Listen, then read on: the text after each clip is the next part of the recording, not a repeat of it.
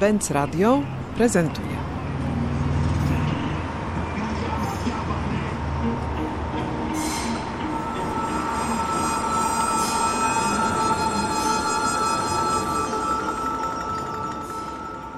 W poprzednich częściach naszej serii Posłuchaj o konkursie mieliśmy i miałyśmy okazję posłuchać o tym, jak nasze jurorki odpowiedziały na pytania, czemu ten konkurs jest potrzebny, jak radio zmienia punkt widzenia na punkt słyszenia, o tym, czym jest współczesność, jak wybrać temat i jak poradzić sobie z formą. W tej czwartej części cyklu gościmy Jarka Trybusia, historyka sztuki i badacza Warszawy. Wydaje nam się idealną osobą, by zamknęła cykl opowieścią o mieście, która, które będzie przedmiotem wszystkich prac konkursowych. I moje pytanie do Ciebie, pierwsze, to jest to, jak historia Warszawy wpływa czy wpłynęła na jej współczesność. To brzmi jak banał, że nie zrozumiemy współczesności nie znając historii, ale w Warszawie to zdanie nie jest takie banalne jak w większości innych miast. Rzeczywiście jest tak, że obraz miasta, jego trudna i nietypowa uroda, jego sposób funkcjonowania, i sposób myślenia o nim, jego mieszkańców, sposób użytkowania tego miasta, a zatem wszystko, co na miasto się składa, jest umotywowane historycznie w sposób dużo bardziej nieoczywisty niż w innych miastach, w większości innych miast. Czyli, powiem to jeszcze raz, bez zrozumienia historii, bez zrozumienia szczególnie ostatnich 200 lat, nie zrozumiemy Warszawy i nie zrozumiemy, dlaczego ona wygląda inaczej od większości innych miast. Czyli historia jest tu obecna w taki podwójny sposób, to znaczy przez, a nawet potrójny, przez to, co jest, jeszcze bardziej przez to, czego nie ma, no i przez całą wiedzę, która za tym stoi. Czy mógłbyś trochę więcej opowiedzieć o tym, co składa się właśnie na specyfikę tego miasta?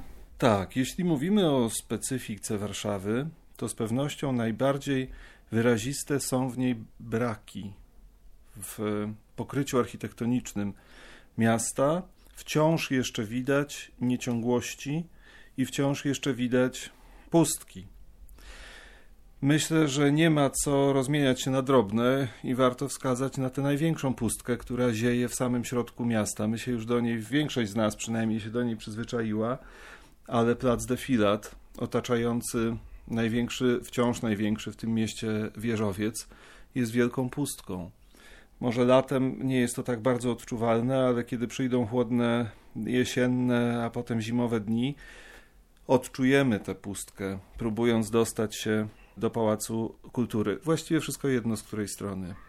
To jest ta największa pustka, ale, ale oczywiście tych braków i tej nieciągłości historycznej związanej z całkowitym niemal przecież zniszczeniem miasta.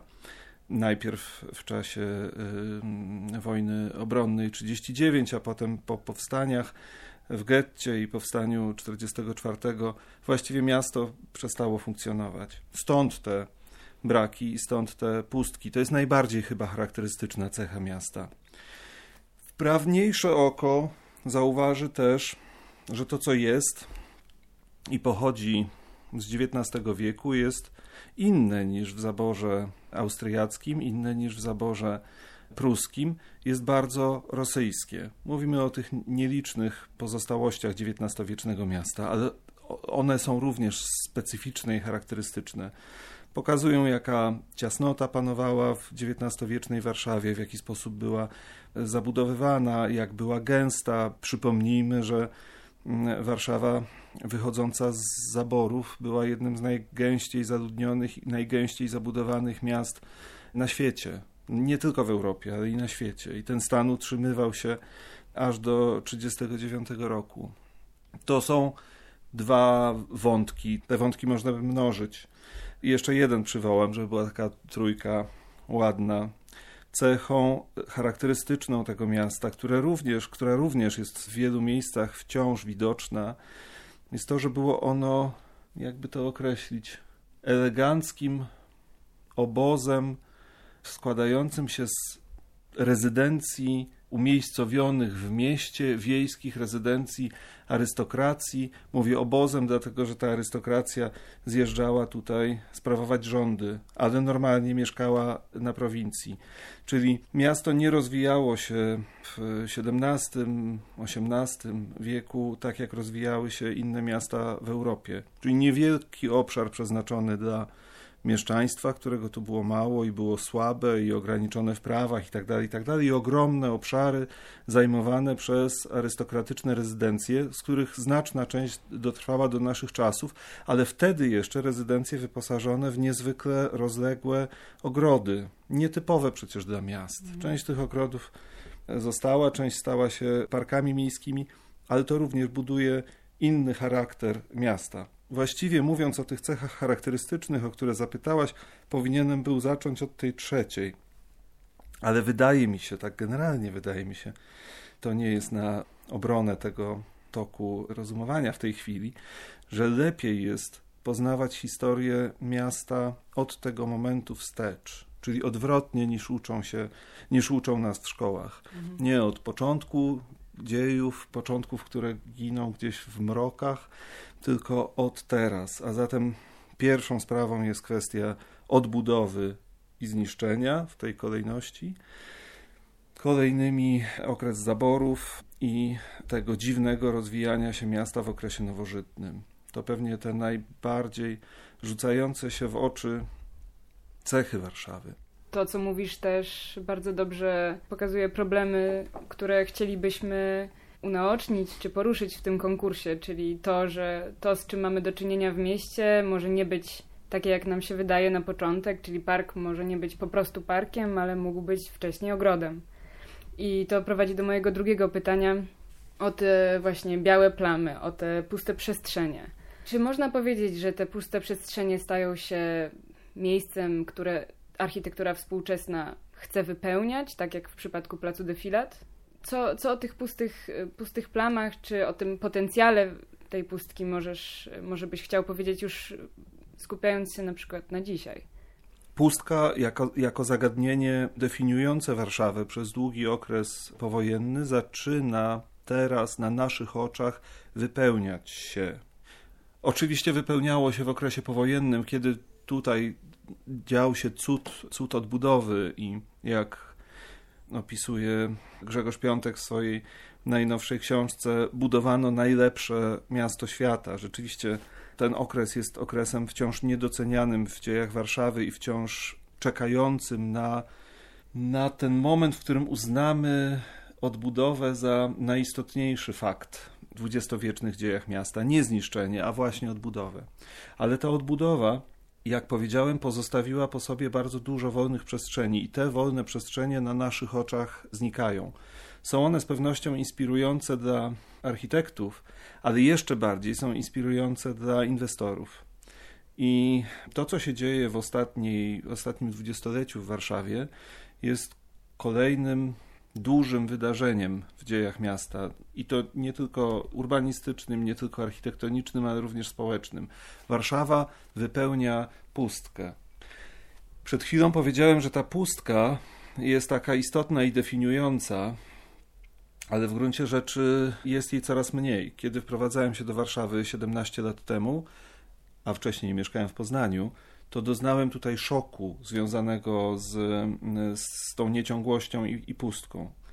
Na tyle głęboki był ten szok, że ją nadal widzę i nadal odczuwam, mimo że, tak jak teraz powiedziałem, jest jej mniej. Ona się kurczy, ona jest zabudowywana, ona jest zabudowywana w szalonym wprost tempie. I to jest z pewnością zagadnienie dla, interesujące dla uczestników naszego konkursu, albo powinno być interesujące, bo z jednej strony mamy niezwykle intensywny ruch budowlany i wypełniane pustki, i to, że miasto rośnie wzwyż. Niewiele w gruncie rzeczy jest miast europejskich, które tak wysoko się pną, a z drugiej mamy przed sobą mniejsze lub większe załamanie gospodarcze, które musi nastąpić. I pytania związane z tą ogromną przestrzenią, która jest e, stawiana, w którą się wciąż inwestuje. Czy te wieżowce zostaną skończone, czy może budowy się zatrzymają za jakiś czas. Na razie idzie dobrze, ale zobaczymy, co będzie dalej. Czy może zostaną puste? Czy właśnie, jeśli zostaną ukończone, nie zostaną puste, a jeśli zostaną puste, natura ani kapitalizm nie znoszą próżni, co je wypełni? To są pytania, y, które mogą bardzo pobudzić wyobraźnię. Już kiedyś, wiele lat temu, wymyśliliśmy na wystawę wenecką z Grzegorzem Piątkiem kolumbarium, czyli y, cmentarz dla prochów w jednym z warszawskich wieżowców. Niewykluczone, że teraz jest ten moment, w którym znowu można snuć wizję przyszłości, która z pewnością będzie ciekawa. Architektura, zwróćmy uwagę też na to, że architektura, która się buduje teraz, bardzo rzadko jest odkrywcza. To, co nas otacza i to, co tak szybko pnie się ku górze, te kolejne metry kwadratowe biur, ale i mieszkaniówki, to nie jest architektura, która coś nowego wnosi. To są, to są kolejne metry na przykład wysokości. Podobno będziemy mieli najwyższy wieżowiec w Unii Europejskiej, co za ciekawa kategoria. Ale to jakby nie, niewiele więcej wnosi. Tutaj nie ma ani eksperymentów y, technologicznych, ani eksperymentów stylistycznych, ani ideowych, ani właściwie żadnych innych. I ten temat również jest intrygujący, dlatego że jak uczy historia, po okresach takiego uwiądu, bo jest to rodzaj uwiądu, następuje okres przemian i przewartościowań. Więc uruchamiajmy wyobraźnię i zaczynajmy myśleć, co się z tym stanie za, za chwilę. Na, właściwie na zakończenie naszej rozmowy chciałabym Cię jeszcze dopytać właśnie o tą historię, a raczej o narrację. O to, jak tworzyć opowieść. Może takie pytanie o to, jak od przedmiotu, od jakiegoś szczegółu rzeczy przejść do opowiedzenia, stworzenia szerszej perspektywy opowieści. Doświadczenie opowiadania od przedmiotu do historii mamy wszyscy bo tak nas uczyli dziadkowie, tak nas uczyli rodzice. To jest zupełnie naturalny sposób opowiadania historii, tylko zapomnieliśmy o tym, dlatego że szkoła uczy historii abstrakcyjnej. I ta logika szkolnej nauki oducza nas naturalnego zupełnie, a przynajmniej powszechnego sposobu opowiadania o przeszłości. Jak babcia wyciągała z kredensu cukiernicę, a nam spodobała się ta cukiernica, kiedy byliśmy dziećmi, to babcia zaczynała opowiadać, skąd ona pochodzi, czyją była, jak przetrwała. Czasami losy tych przedmiotów były równie skomplikowane jak losy ich właścicieli, a zatem zaczynały się długie historie o rzeczach i o ludziach. Kiedy ciocia upiekła nam ciasto i postawiła je na stole, a nam smakowało, no to opowiadała o, o dziejach receptury i o dziejach rodziny, od której ta receptura pochodzi, i tak dalej, i tak dalej, i tak dalej. Czyli wychodzenie od przedmiotu po to, żeby opowiadać szersze historie, jest taką narzucającą się właściwie, tak, narzucającą się, pewnie tak trzeba by o tym powiedzieć, narzucającym sposobem opowiadania historii. Dlatego taki sposób wybraliśmy w Muzeum Warszawy i dlatego wierzę, że, że tak się da opowiedzieć każdą historię. Również budynki są takimi rzeczami, albo detale architektoniczne są rzeczami, od których można rozpoczynać historię na najrozmaitsze tematy. Dziękuję bardzo.